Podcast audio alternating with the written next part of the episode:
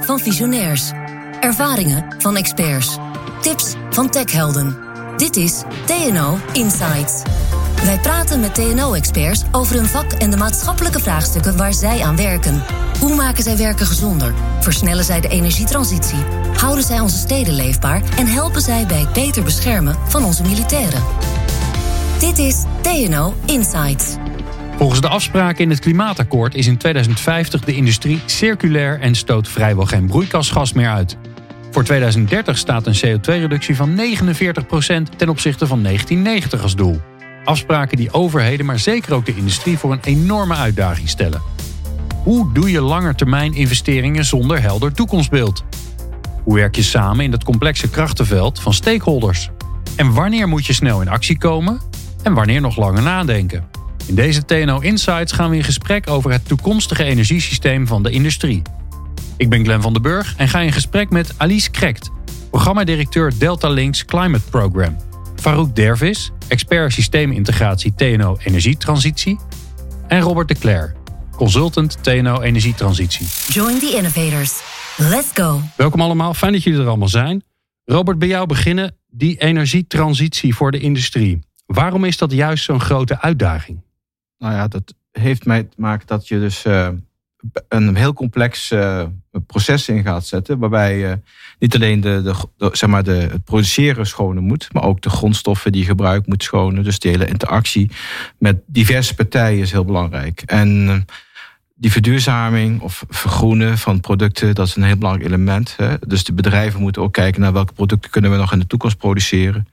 En uh, nou we hebben hier met name een hele zware refinery sector hè, in de, naar Rotterdamse haven. En die zien dat al, dat ze dus al heel veel uh, druk krijgen van, uh, nou nu met de CO2-emissies, maar ook de schone producten, de, de diesel, de benzine moet schonen, elektrisch transport, elektrisch vervoer. Nou, dat zijn allemaal elementen die dat allemaal heel onzeker maken. Van waar ga je nu investeren en wat ga je dan doen? Welke producten ga je nog voor? Ga je naar low carbon fuels of ga je, ga je helemaal je productieproces CO2-neutraal maken. Nou, dat zijn allemaal hele belangrijke elementen. En hoe ver kun je dan komen? Um, en welke infrastructurele aanpassingen zijn daarvoor nodig? En, hoe, en, en hoeverre word je daarin ondersteund als industrie? Dat zijn allemaal hele belangrijke elementen die, die toch ook wel belangrijk is voor, voor bedrijven om daar uh, daar duidelijkheid in te krijgen. In hoeverre is het dan uh, anders, complexer, ingewikkelder dan, uh, laten we zeggen, de, de, de rest van de energietransitie? Dus laten we zeggen, alle, alle, alle huishoudens in Nederland, waar natuurlijk ook een groot vraagstuk ligt. Nou ja, de basis is dat de, de industrie vaak een heel, heel lineaire economie is. Dus dat je een grondstof uh, inkoopt, je converteert het en je hebt een product. Maar deze transitie vergt een wat meer complexer ecosysteem. Je moet recyclen, je moet hergebruik inbrengen. Je moet andere soorten misschien grondstoffen gebruiken van andere bedrijven. De, de, bijvoorbeeld deze haven is heel erg goed geïntegreerd qua stoom. Maar je zult misschien, ook wel verder moeten gaan dan alleen stoom. Je moet misschien naar reststoffen kijken. Um, Oké, en daarmee zeg je de stoom die nu al geproduceerd wordt die wordt al gebruikt als, uh, als invoer voor een, andere, uh, voor een ander bedrijf. En, en dat is al goed geregeld. Dat, dat, daar zit echt heel veel, uh, heel veel ontwikkeling in. Alice Krek, we zijn bij jou in Rotterdam. dus we zitten midden in die haven. Bij Delta Links. Bij Delta Links. Ja, Delta Links is de ondernemingsvereniging van de Rotterdamse havenbedrijven. En ik ben dan directeur van een programma van projecten om de klimaatdoelstellingen te halen. Hè. Dus de leden van Delta Links willen heel graag ook in 2050 nog steeds uh, bestaan. En zoals Robert net zei, uh, misschien andere producten maken of op een andere manier. Maar uh, de grote opgave is, hoe doe je dat? En wat ik nog zou willen toevoegen aan het verhaal wat, wat Robert net hield, is dat het juist in dit gebied en juist voor deze industrie zo ingewikkeld is, die hele systeemtransitie, omdat het om van die grote getallen gaat. Dus uh, de, de raffinaderijen bij Shell, uh, Pernis bijvoorbeeld, of Exxon of, de, of de grote chemische bedrijven, die gebruiken zoveel energie. Een Nourion in dit gebied gebruikt net zo veel energie als de hele uh, stad Nijmegen. Dus als je dat gaat kantelen, gaat veranderen en in plaats van aardgas elektriciteit gaat gebruiken, dan is dat natuurlijk voor iedereen die daar iets mee aan moet doen een enorme opgave. En krijg je dan ook dat je al heel snel tegen het vraagstuk aanloopt die energie. Hè. Stel je voor dat wij omwillen van, van gas naar elektriciteit of van gas naar waterstof of naar welke uh, andere bron dan ook, dat het er gewoon niet is? Uh, dat, dat kan. Op de korte termijn um, is het er soms nog niet.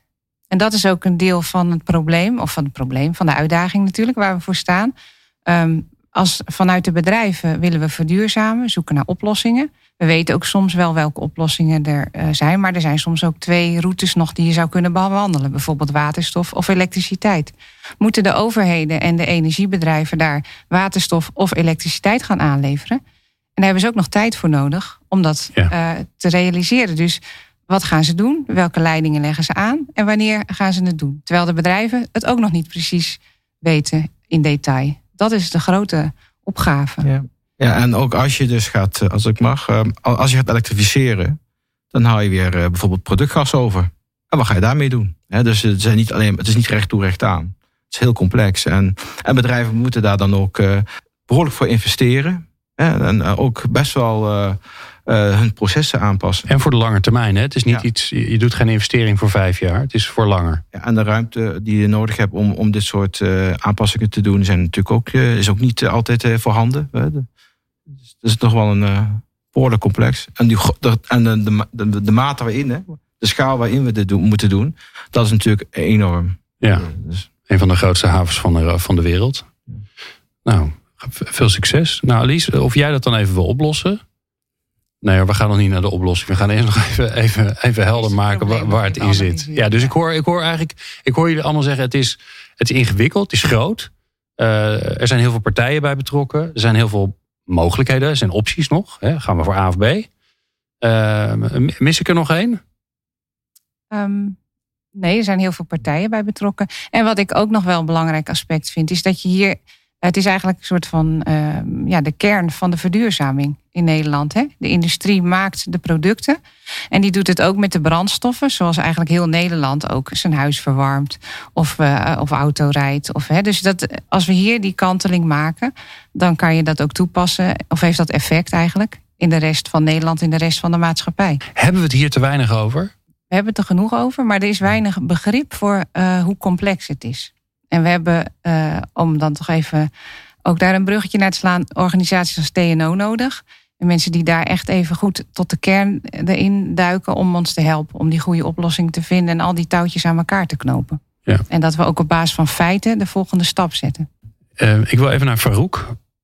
En dat wil ik omdat uh, we het hier eigenlijk dus ook met z'n allen hebben over. En Robert heeft dat al heel mooi geschetst. Over systeemintegratie. Hè? We hebben nu een systeem. Dat werkt op een bepaalde manier. We willen ergens anders naartoe. Nou, dat is complex. Dat hebben we wel geschetst. Volgens mij eh, heeft iedereen dat gevoel wel.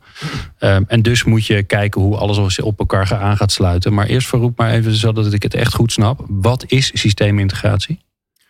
Systeemintegratie is gewoon zorgen dat het energiesysteem als geheel robuust, betrouwbaar, betaalbaar en uiteindelijk dus ook duurzaam gaat worden. Dat hele plaatje moet kloppen en daarbij is natuurlijk de grote verandering. Het systeem wat we nu hebben is in feite een, een vraaggedreven systeem. Hè? Dus als jij eh, thuis eh, de lamp aanzet, dan komt er elektriciteit uit het stopcontact. En als iedereen dat tegelijk doet, dan gaat er ergens een centrale aan die die stroom maakt. En die komt via het net netjes naar je toe. In de toekomst gaat dat iets anders, hè? want we zijn afhankelijk van weersomstandigheden. Nederland zal, uh, en, en, Europa voor een belangrijk deel zullen leunen op windenergie en zonne-energie. Nou, die zijn uh, niet uh, continu beschikbaar. Dus hoe ga je dat probleem dan oplossen? Hè? Hoe ga je het, het, aanbod aan duurzame energie matchen met de vraag? Nou, daar zijn voor mobiliteit en voor een gebouwde omgeving allerlei oplossingen voor. Maar de industrie, dat hebben we al gehoord, is natuurlijk een enorme factor in het Nederlandse energieverbruik. Als je kijkt naar de CO2-emissies is het iets van 30% Maar als je kijkt naar het energieverbruik is het zelfs nog wat meer. Hè? Inclusief de grondstoffen praat je bijna over de helft van het energieverbruik in Nederland. Zo. Dus als je ergens moet beginnen hè, voor die uh, energietransitie... is de industrie ook een heel logisch beginpunt. Het gaat over de grote volumes. Je hebt met een, uh, een, beperkt aantal partijen te maken. Ja, maar dat zat ik te denken. Hè? Met, met uh, bepalen of uh, juffrouw Arnie een teacher extra deel het lampje wel of niet aandoet. Dat, daar zijn er heel veel van. Industrie, ja, het is complex, maar je hebt relatief een beperkt aantal partijen waar je afspraken mee kunt maken wanneer ze hun, hun energieconsumptie nodig hebben. Dat wel, maar ja, desalniettemin, het gaat echt om een systeemverandering dus. Uh, er zijn op zich heel veel uh, technologieën uh, in ontwikkeling. Sommige zijn al wat rijper. Hè? Uiteindelijk is het idee natuurlijk om.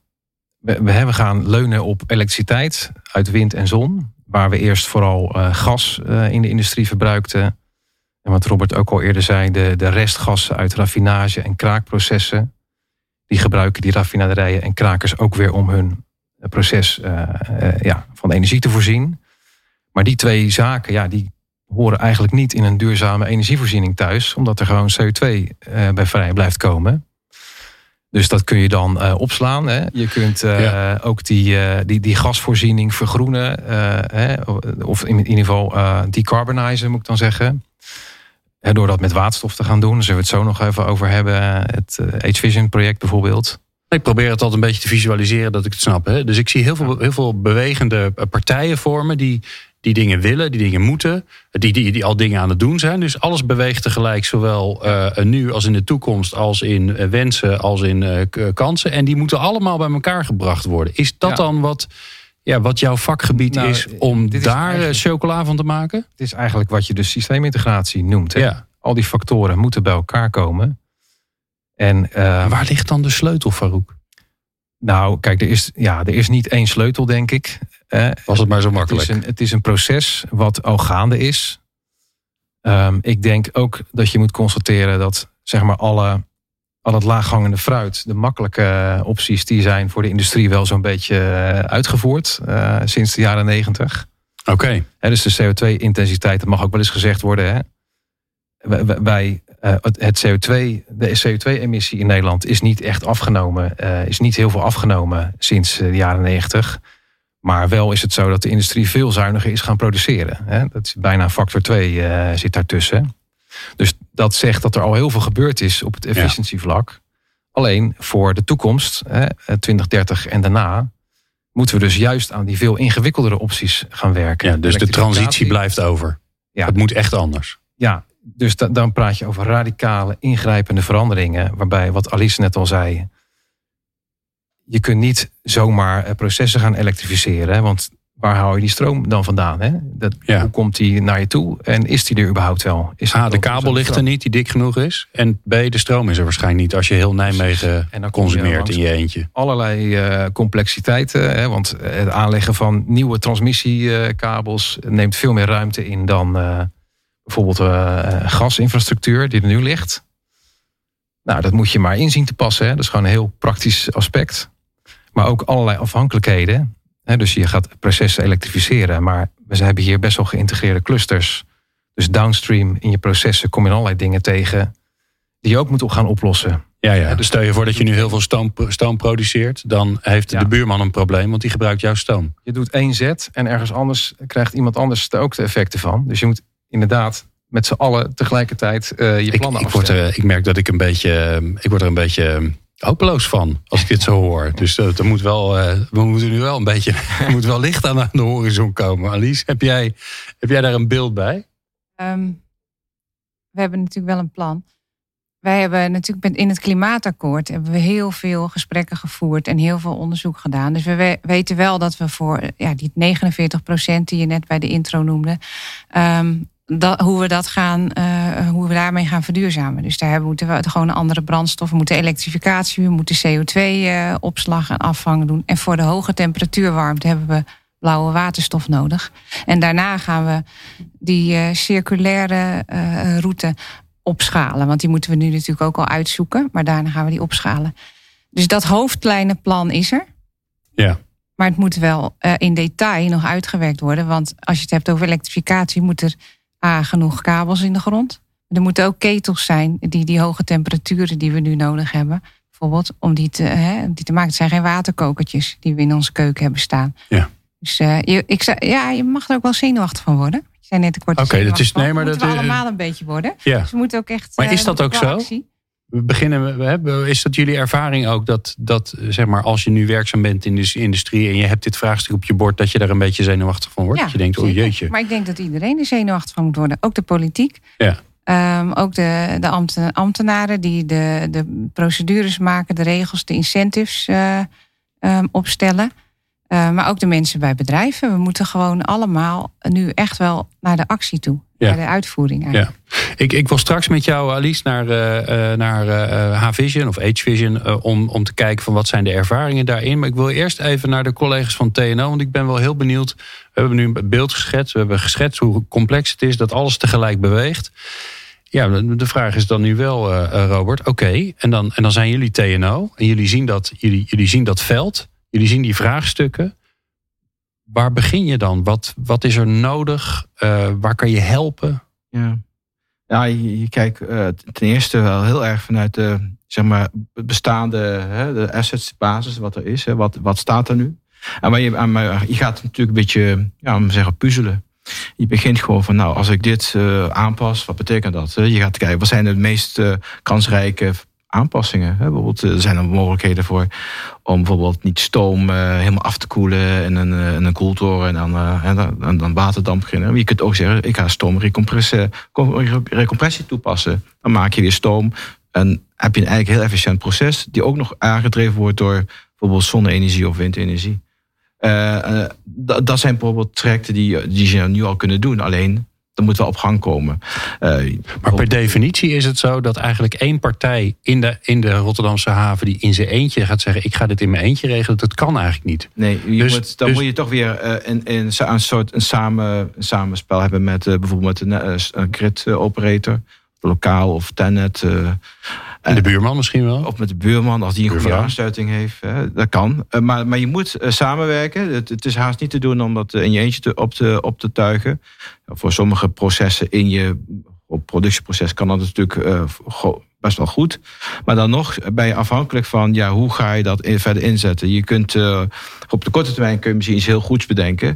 Maar op de lange termijn kan het misschien weer een, een soort doodlopend pad zijn. En dat is natuurlijk ook weer het gevaar van als je bepaalde routes nu in gaat zetten. Ja.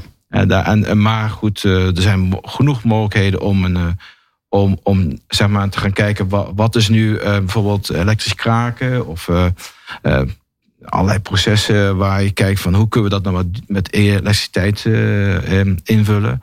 bijvoorbeeld elektrochemische om, omzettingen, processen. Dat zijn natuurlijk, sommige staan in kinderschoenen, elektrisch kraken ook, maar als het, het heeft wel potentie en kan bijvoorbeeld een voorbeeld eh, zijn voor hoe je in de toekomst verder gaat met, de, met de chemische industrie of petrochemische industrie. Ja. Uh, Alice had het er net al even over. Die gaf je een mooi compliment. Die zei ja, TNO heeft een, een, een rol hierin te spelen. Want die doen en onderzoek daarover, daarover maar zijn ook onafhankelijk. Hebben niet een, een eigen belang hierin. Um, volgens mij hebben jullie een, een rapport ook geschreven voor de Vaste Kamercommissie. Over, juist over dit onderwerp. Um, ja, een tipje van de sluier. Wat, wat is het advies? Ja, nou, dat, dat rapport of die studie, die kijkt eigenlijk naar wat zijn de knelpunten nou om dus de infrastructuur tijdig en ook betaalbaar te realiseren, zodat die industrie uiteindelijk kan gaan verduurzamen. Um, je ziet sowieso veel activiteit tegenwoordig hè, op dat vlak. Uh, ook bij de ministeries zie je wel wat ja, verandering in, uh, in, in belangstelling voor de industrie. Hè? Dus de, de realisatie dat we de industrie hartstikke hard nodig hebben. En dat we in Nederland op zich een hele goede, mooie kans hebben om binnen Europa een soort ja, eh, motor van uh, groene chemie eh, te worden. Hè? We hebben hier enorme petrochemie in, in clusters die hartstikke mooi geïntegreerd zijn. Maar we hebben ook de Noordzee Waar we elektriciteit kunnen opwekken. En waar we ook CO2 kunnen opslaan. Waar we misschien waterstof kunnen opslaan. Ja, veel kennis van gas natuurlijk. En natuurlijk de hele gasinfrastructuur en de kennisinfrastructuur. Hè. Dus eh, er komen eigenlijk heel veel dingen samen. Waardoor wij goede kaarten hebben. En dat zie je nu ook wel uh, bij, uh, bij EZK. Uh, dat daar dat daar eens op die manier naar gekeken wordt. En dat er gezegd wordt, nou ja, misschien moeten we wat meer regie nemen op die uh, infrastructuur. Um, en dan ga je... Ja, want is dat, is, dat, is dat een van de dingen waar mensen op zitten te wachten? Te zeggen van ja, weet je, als, als dit er is, dan weet ik ook waar ik op aan kan sluiten. Dan weet ik ook waar ik op kan bouwen. En zolang dat er niet is, is het ingewikkelder. Kijk, ik denk dat sowieso hè, het beschikbaar komen van de juiste infrastructuur, dat is een, ja, een must-have voor de industriële energietransitie. Alleen, ja, hoe kom je daar? Hè? Dat kan via de beleidsroute uh, en ook via de bottom-up uh, route vanuit de bedrijven. Of gewoon alles tegelijk. En ja, waarschijnlijk ligt het, uh, zit de waarheid een beetje in dat laatste. Maar ja, dan moet je wel, ieder moet daar zijn eigen stappen in zetten. En ook nog eens een keer een beetje synchroon. Ja. Nou, je moet wel naar de hele keten kijken. En je moet zo, zoveel mogelijk uh, ja, die, hele keten analyseren. Qua kosten. Hè, van wat, wat uiteindelijk uh, de meest voor de hand liggend is dat pas je toe. En voor, ook een beetje lokaal, afhankelijk van waar, waar is de locatie van het bedrijf, hè, waar we naar, naar kijken, waar je een analyse, uh, analyse voor doet. bijvoorbeeld uh, in, in, in, Limburg is het anders dan hier aan, aan de, in de haven. Hè, dus dan heb je toch weer andere parameters waar je naar optimaliseert. Maar je moet de hele keten bekijken en dat is ook wat ik zeg eigenlijk. Ja. Dat is wel een belangrijk element. En, en de oplossingen, ja, die zijn, die, zijn, uh, die zijn er wel, maar die hebben ook nog best wel een soort innovatieslag te maken. Hè? Ja, het is niet allemaal uitontwikkeld en duidelijk. En, ja. Nee, zelfs uh, als je gewoon praat over waterstof uit, uh, uit refinery fuel gas maken of uit aardgas. Dan stuit je toch op een aantal hele grote vraagstukken van ja, hoe kun je het zo effectief mogelijk doen? Wat, bij hoge rendementen. Uh, je wilt de kostenreductie doen. Je hebt de, de schaalgrootte is ook een vraagstuk. Want ja, hoe, hoe groot is dit ooit gebouwd? Nou, we gaan toch naar hele grote, grote reformers toe. Nou, dan heb je weer een beperkte scope van technologie. Dus dat zijn allemaal de zaken die dan weer een rol spelen. Ja. Eh, de blauwe waterstof is natuurlijk een mooi brugje naar, uh, uh, naar, H-Vision. H-Vision, ik, ik, haal ze nog steeds door elkaar, maar we bedoelen eigenlijk hetzelfde. Um, ja, want um, Alice Krekt, die, uh, die houdt zich daar heel druk mee bezig. Dat is een van de, van de programma's die natuurlijk loopt, waar Delta Links een belangrijke rol in speelt. En natuurlijk waar ook gewoon ervaring wordt opgedaan over hoe werkt het dan? Hoe werken partijen samen? Wat werkt wel, wat werkt niet? Nou, dat is natuurlijk prachtig om, om dat te delen. Uh, Alice, ik heb even, ben er even een klein beetje ingedoken. Ik zag dat jullie in 2019 een, een haalbaarheidsstudie hebben gedaan. Uh, dan krijg ik altijd al een beetje kriebel. Want dan denk ik, oh jee, hebben we daar wel tijd voor. Maar uh, ja, het is nu 2020. Moet je toch Zit de vaart erin? Een haalbaarheidsstudie. Je gaat altijd eerst even kijken of het kan. Ja. Ja, en het kon. Het was uh, in feite dat is een mooie conclusie. Ja, dus dat was eigenlijk de conclusie. Uh, nee, wat, kijk, technisch gezien is uh, H-Vision um, niet een, hele grote uitdaging. Uh, durf ik als niet-techneut te zeggen. Ik kijk naar de techneuten hier aan tafel en die zien ook nog wel wat uitdagingen. Maar op hoofdlijn is het eenvoudig. Je maakt gewoon waterstof zoals we dat altijd deden. en je past het toe in branders die er al zijn hè, bij de raffinaderijen. Om die hele hoge temperaturen te verkrijgen. En je vangt de CO2 die erbij vrijkomt, die vang je af en die stop je in een leeg gasveld. Dus daarmee kan je in feite, um, ja, ik geloof dat het uh, 2,7 megaton aan CO2 uitstoot op het hoge in de, in de, als we hem totaal neerzetten, uh, kunt vermijden. En dus je maakt eigenlijk gebruik van bestaande, ja. uh, bestaande dingen, zodat het wel een verandering is, maar dat niet gelijk alles op de schop Het is een heel slim concept, ja. maar het is uh, op alle losse onderdelen niet nieuw. maar en het is, ook, het is ook nog niet hetgene wat we willen uiteindelijk. Hè? Want jullie, waarom kiezen jullie voor die blauwe waterstof? Hè? Want waterstof is gemaakt uit gas, wat nog steeds een fossiele grondstof is. Nou, we willen wel uh, waterstof uh, gebruiken om uh, hoge temperatuurwarmte te bereiken. In plaats van aardgas. dat willen we wel uiteindelijk, ja. Dus in die zin is dat goed. Je zou daar, als we genoeg windmolens hebben en heel veel groene waterstof kan maken, kun je dan natuurlijk ook een beetje, kun je dat ook gaan verbranden. Hè, om, om hoge temperaturen te bereiken. Maar dat zou een beetje zonde zijn. Zeker nu nog, nu we nog niet eens genoeg windmolens op zee bestaan of zonnepanelen om onze eigen huizen te verduurzamen. Um, ja, Robert. Ja, ja goed. Efficient bestaat voornamelijk uit refinery fuel gas, wat sowieso al een, een, een issue een reststof is. Een reststof. Ja. En die gebruiken we juist. Dat is nou het slimme aan het concept. Ah, kijk. Ja. inderdaad soms de uh, verwarring dat het lijkt alsof er dan bijvoorbeeld heel veel aardgas aangevuld wordt. Hè? Want dat is de, ik zei het niet letterlijk, maar dat is wel de manier waarop traditioneel nu waterstof gemaakt wordt op grote hoeveelheden. Uh, maar binnen H-Vision doen we dat dan door de restgassen uit de fabrieken uh, in de fabriek te stoppen, die waterstoffabriek, en daar waterstof van te maken. Okay. En die restgassen die komen sowieso vrij. Dus als zou je op die installaties elektrisch maken, dan heb je die toch nog. Dus dan moet je daar iets mee. Dus in die zin is dat eigenlijk een heel duurzaam systeem. Ja, het speelt, dus in, op, ja, sorry, het speelt in op de elektrificatie van die processen. En daarom is het uh, ja. in lijn met de energietransitie. En Ja. kijk, die, die, ehm, dan ook nog even iets wat bij die raffinaderijen denken heel veel mensen: God, die maken allemaal benzine en dat hebben we straks niet meer nodig. Ehm, maar die maken allemaal grondstoffen voor chemische producten die wij nog steeds nodig hebben. De stoelen waar we op zitten, Zoals de microfoon plastics, waar ik nu ja. in praat. Dat wordt allemaal gemaakt uit de olie uiteindelijk, die we toch nog als grondstof wel een tijdje nodig zullen hebben. Vorig jaar de haalbaarheidsstudie gedaan. De conclusie was even voor eenvoudig. Het kan. Nou, dan is ook de volgende vraag natuurlijk. eh, willen we het ook? En gaan we het dan ook doen? Dus hoe, hoe- hoe staat het er nu voor? Ehm, we hebben een, na die haalbaarheidsstudie hebben we, zijn we dieper de techniek ingedoken. Hebben we gekeken naar alle aspecten die je nodig hebt voordat je uiteindelijk nou ja, naar een soort van investering, nou niet een soort van, maar een investeringsbeslissing kan gaan. Hè. We hebben gekeken waar komt die dan, de locatie van de fabriek, eh, hoe, wat voor eh, infrastructuur is er dan voor nodig.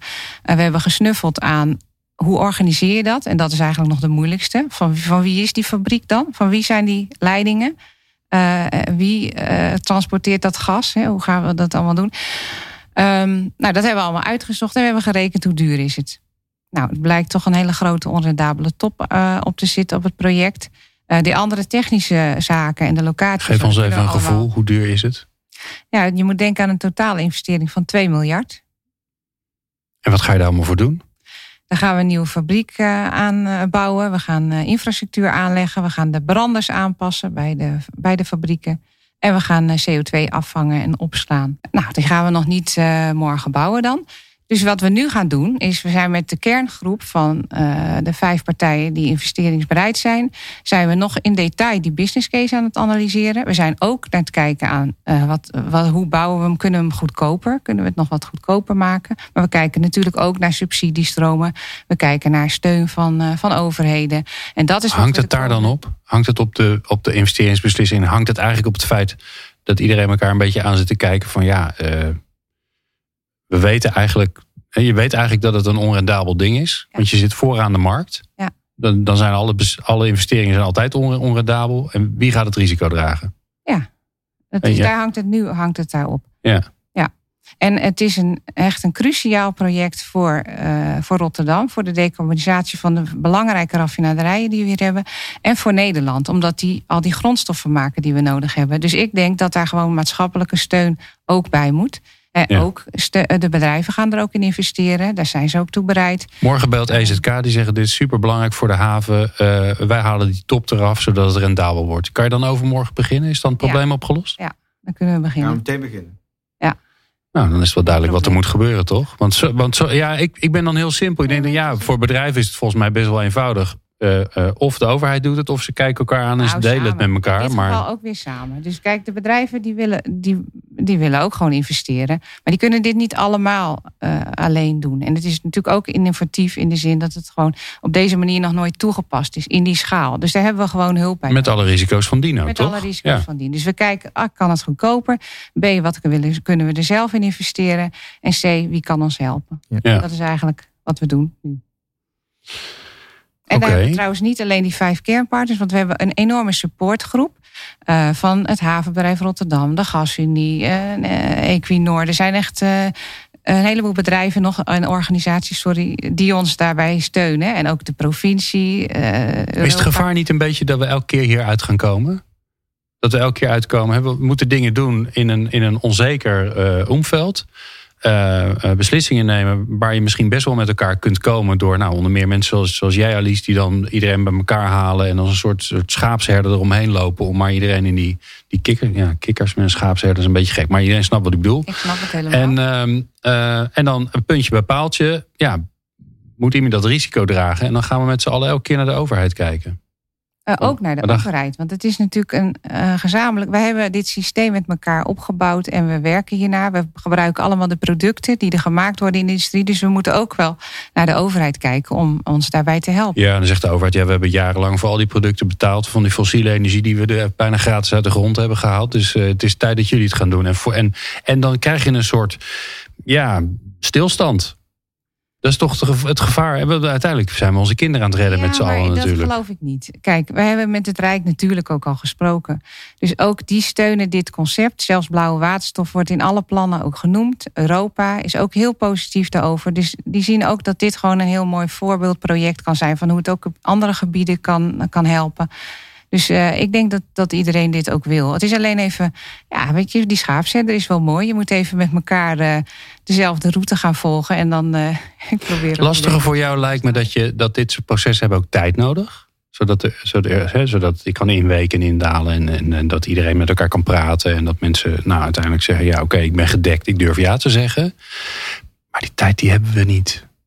Moet toch allemaal sneller? 2030 is al heel dichtbij. Heel snel. over tien Ja, jaar. En eh, je Voordat die ver- verbouwt hoe- ook niet zo Nee, snel. ik wou Het is een zeggen. investering van 2 miljard. Dus daar Ja. kan je bij voorstellen dat je daar best veel eh, tijd voor Ja, nodig die staat er morgen niet. Nee. Want als je morgen kan bouwen, hoe lang duurt het? Ongeveer? Voor Ja, ons je hebt nog gevoel? wel een, twee jaar, een jaar engineering nodig. En dan de voorbereiding van de bouw. Ja, Ja. maar uit. Robert, je krijgt nu de opdracht om dat ding te bouwen. Hoe lang, wanneer, wanneer staat hij er? Maar we hebben gepland op 2026 geloof ik. hè? Ja, moet je kijken. Dan hebben we nog vier jaar voor om die 49% eh, te Maar, besparen. dan, maar goed, als die er staat, als het er zal zijn, dan heb je natuurlijk een één grote klap gemaakt hè, voor eh, reductie en, het, en een, een soort. Je hebt ook ruimte gecreëerd voor elektrificatie. Dat ver- vergeten heel veel mensen te noemen. Je, je, je, je creëert eigenlijk gewoon een soort aanjager Ja. voor meer processen die je kunt doorvoeren. Je kunt eh, meer gaan eh, kijken van hoe kan ik andere opties ook meenemen in het verduurzamen van mijn productieproces. En dat is natuurlijk een hele belangrijke, die ook waardevol is voor die bedrijven. En Dus- het vertrouwen dat het kan? Is dat het ook? Het vertrouwen dat het kan, het staat er, het is de, fysiek kun je er naartoe. Ja, Ja, en ja. nou ja, wat ook nog, kijk, als we deze fabriek bouwen, dan doen we toepassen, passen we die waterstof toe. Hè? Maar er komt ook een heel systeem omheen van toeleveranciers, onderhoudsmonteurs. Dus je gaat die waterstofeconomie opbouwen. De infrastructuur ligt er dan. Ja. Dus dat, eh, ik denk dat het een hele belangrijke aanjager is. Ja, en ook voor elektro waterstof elektrolyse. Want dan is die infrastructuur, er is een markt ontstaan. Dan kan ook heel goed die eh, dat hè, windenergie ontsluiten, die ontsluiting van windenergie ook via waterelektrolyse. Eh er Ja. is er gewoon een markt. Hè. Dan, dan, dan loopt er eigenlijk al een heel, eh, heel eh, zeg maar, markt eh, eh, op waterstof eh, is dan actief. Hè. De partijen zijn actief op dat, op dat onderwerp. Nu is de, eigenlijk de, ma- de waterstofmarkt eigenlijk alleen maar feedstock. En het is eigenlijk een beetje afgesloten markt. Die markt moet ook nog open. Hè? Dus eh, dat is nog best een uitdaging. Ja. Alice, ehm, ehm, laatste vraag aan jou over, over H-Vision. En dan gaan we weer ergens anders naartoe. Ehm, jij hebt, eh, ik, ik, zie, je toch als schaapsherder. Je bent nu een schaapsherder geworden. Ik, zie jou, ik zie jou eh, iedereen bij elkaar houden de hele tijd. Wat is het belangrijkste wat je geleerd hebt om te zorgen dat je zover bent gekomen als waar je nu bent? Waarbij al die partijen zeggen, want eigenlijk zeggen ze allemaal, we willen dit. Hè, Er moet alleen nog even, de, even bepaald worden wie de rekening betaalt. Maar ze willen wel allemaal. Wat heb je geleerd? Ehm, nou, het belangrijkste is volgens mij om transparant te zijn naar elkaar toe. En met elkaar steeds ook eh, kleine stapjes te zetten. Dus wij, eh, wat voor zover mogelijk, hè, want we hebben drie raffinaderijen. Dus die mogen niet allerlei informatie delen onderling vanwege de wetgeving zelfs ook al. Hè. En dat willen ze. Ze willen ook niet alle concurrentiegevoelige informatie delen. Maar die eh, hebben, zitten er ook heel open in. Die proberen te delen wat ze kunnen. Ook soms via TNO als een soort... eh, ja, Oh, een soort sluis of zo. sluis. Ja, zodat oh, wat goed. dan neut- op neutraal terrein de gegevens bewaard worden. En dan met elkaar steeds bepalen: oké, wat gaan we deze, dit half jaar bereiken? Wat zoeken we uit? Wat vinden we er nu van? Wat ligt er voor ons? Oké, en onder welke voorwaarden willen we dan verder? En zo zetten we iedere keer een stap.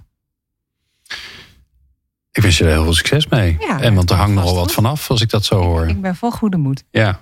Ik kan me heel goed voorstellen dat iedereen die, die, die luistert, eh, die zelf in de industrie werkt, die misschien zelfs al dit vraagstuk op hun bordje hebben liggen, dat die nu denken: oké, ehm, eh, ik ga in ieder geval Alice bellen, ik ga eh, Robert bellen, ik ga Farouk bellen, want die kunnen me helpen. Ehm, maar ik ben wel benieuwd naar het advies wat jullie voor, eh, eh, voor, voor de luisteraar heb, eh, hebben om, ja, om, om ze verder te helpen. Om inderdaad stappen te gaan zetten. Want ja, dat lijkt me wel duidelijk ondertussen. Het is ingewikkeld, maar we moeten in actie komen. Dat is, een, dat is op zich al een ingewikkelde combinatie. En dan Ja. begin ik bij Alice.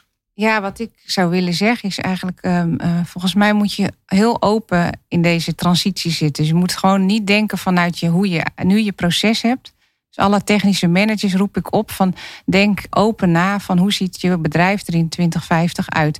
En uh, wees daar ook heel open en transparant in. Praat met je directeur, praat met uh, je, misschien je buurbedrijven uh, om, om dingen uit te wisselen. Praat met je toeleveranciers en bedenk het met elkaar. Want wij moeten het gewoon met elkaar zelf ontwerpen en doen. Ja, het gaat niet vanzelf.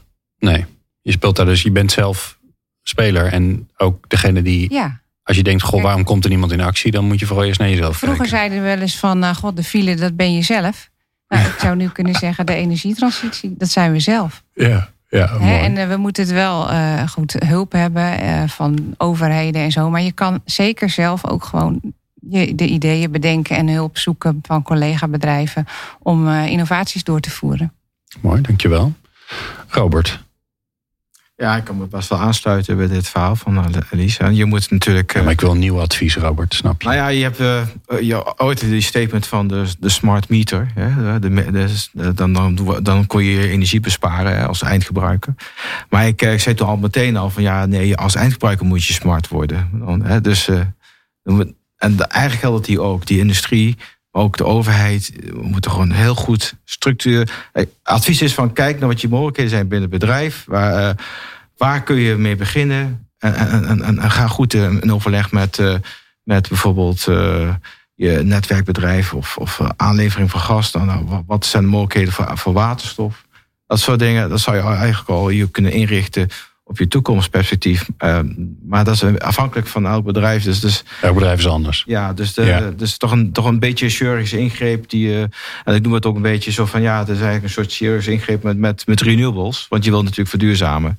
En, en, en, daar moet je dan voor openstaan. En je moet dan wel willen samenwerken met andere bedrijven. Of een, ja, toch een, een wijdere blik willen hebben op, op je op je, ja, hoe je nu je productieproces hebt ingericht en hoe ga je het in de toekomst doen. Dat je daar toch open staat voor verandering. Ja. Het is toch veranderen en radicaal, zoals uh, Farouk zegt. Ja, dankjewel. Farouk, het advies? Ja, weet je, ik denk dat een van de dingen die het moeilijk maken is dat het inderdaad een enorme ingreep is die je moet doen. Waarvoor je ook nog eens een keer eigenlijk heel weinig, betrekkelijk weinig tijd hebt hè, in, in, in termen van ja, in de investeringsplanning voor een industriële partij tot 2050 is het nog maar 30 jaar. Hè. In principe uh, moeten we dan gewoon op nul staan met z'n allen. Nou, dat is vaak maar één investeringsbeslissing. Dus je wil ook vooral niet het verkeerde beslissing nemen. Want dan, uh, ja, dan is het over, zeg maar. maar ja, hoe maak je nou aan de hand van die vergezichten? Hè? Dus er zijn allerlei technologieën die nog in ontwikkeling zijn. Elektrificatie is net genoemd. He, dus elektrisch kraken, ja, dat lijkt allemaal heel veelbelovend. Maar wat gaat het nou, gaat dat het helemaal worden? En hoe maak je dat nou klein in termen van wat, welke stappen kan ik nou nu al zetten de eerste uh, paar jaar? H Vision is daar een heel mooi voorbeeld van, omdat ja, het is een soort enabler eigenlijk voor meer. Hè? Dus je zet één stap, wat op zich een aanzienlijke stap is, maar nog niet de alles in één uh, stap. Maar dat, ik denk dat we vooral dat soort opties, hè, ja, ze worden wel eens no-regret uh, maatregelen genoemd. Uh, mm. Maar ja, of inderdaad hinkstapsprong maatregelen. Maar dat soort dingen, waar kun je nou met z'n allen al beginnen? Nou, dat zijn maar dit soort dingen. Ja, mooi. Alice, volgens mij heb jij nog een, een mooie, mooie afsluitend woord. Nou, ik had, uh, want kijk, we zeggen allemaal van, oh, het is allemaal zo moeilijk. Uh, maar we helpen bedrijven ook. Hè? Dus uh, Delta Links samen met het havenbedrijf TNO en de provincie Zuid-Holland. We bieden bijvoorbeeld een energiebesparingsscan aan. Of we bieden energie innovatiestudies aan. En dat kan, want sommige bedrijven, we hebben het dan al over de bedrijven, die daar maar even over na moeten gaan denken. Maar die hebben ook hartstikke veel aan hun hoofd. Want die moeten namelijk die productie doen. En er is één QHC-manager. En die moet dan ook nog even bedenken van hoe ga ik mijn installatie verduurzamen. Nou, die proberen we dan wel te helpen om een soort overzicht te geven, een scan. Van wat kan je doen, wat zijn de mogelijkheden binnen het bedrijf. En overigens willen we die scan in een soort safehouse stoppen. En die kunnen we dan de, de energiebedrijven, die kunnen dat weer gaan gebruiken. In een geaggregeerde vorm. Dus heel ja, ja. bedrijfsgevoelige okay. informatie eruit. Om hun plannen weer mee te maken. Dus op die manier slaan we een soort van uh, een bruggetje uh, tussen wat de bedrijven moeten of willen gaan doen en wat uh, ja. infrastructuur zou moeten Ja, want er is heel veel kennis. Uh, er zijn heel veel mensen die kunnen en willen helpen. Er zijn zelfs heel veel mogelijkheden om dat tegen niet al te veel kosten te doen. hoor ik jou ook zeggen. Hè? Er zijn allerlei partijen die willen helpen. Je moet ze alleen even weten te vinden. Alright. Nou ja, ehm, dat er heel veel kennis bij TNO is, is ook wel duidelijk volgens mij. ik, dank jou in ieder geval, ik dank jullie in ieder geval allemaal voor jullie bijdrage. Alice Krekt, programmadirecteur Delta Links Climate Program. Farouk Dervis, expert systeemintegratie bij TNO Energietransitie. En Robert de Cler, consultant TNO Energietransitie. En jij natuurlijk bedankt voor het luisteren naar deze aflevering van TNO Insights. Wil je meer podcasts luisteren over de energietransitie en over systeemintegratie?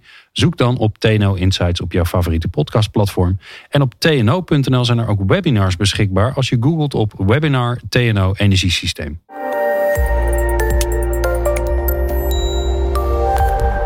Bedankt dat je hebt geluisterd naar TNO Insights. Meer afleveringen vind je via jouw favoriete podcast-app. Zoek op TNO Insights.